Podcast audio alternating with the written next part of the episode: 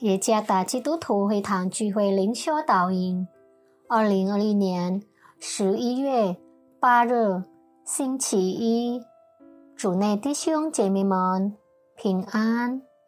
今天的灵修导引，我们会借着圣经《历代至上》第十六章第三十四节来思想今天的主题：因上帝而感恩。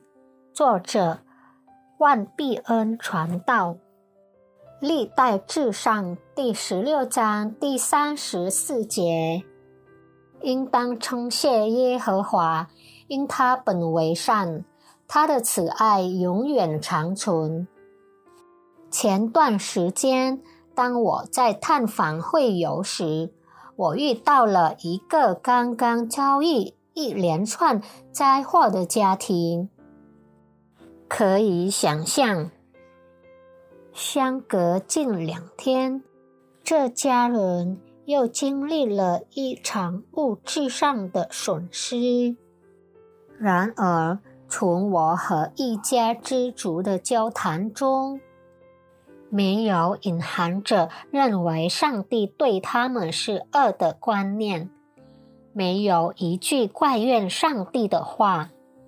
所听到的乃是因为他们还拥有基督的加力刚强而感恩。今天，上帝的话语指示我们：上帝很爱我们，并已拯救了我们。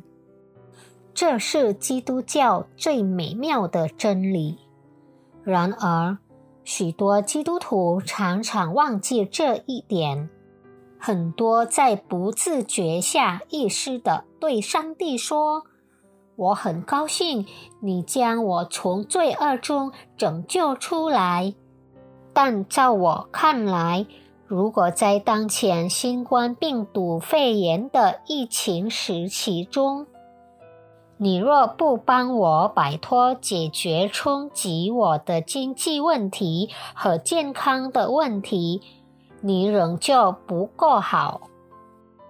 的确，现今有不少的基督徒开始要求上帝彰显他的慈爱和良善，是照人的意念的上帝慈爱和良善，那就是马上解决与新冠病毒肺炎疫情影响相关的问题。真的是如此吗，弟兄姐妹们？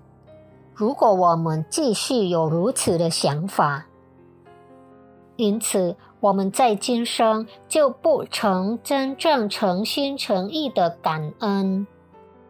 上帝常常提醒我们要感恩，并不是因为我们在这世上所拥有的。而是因为我们在基督里，并与他一起所拥有的。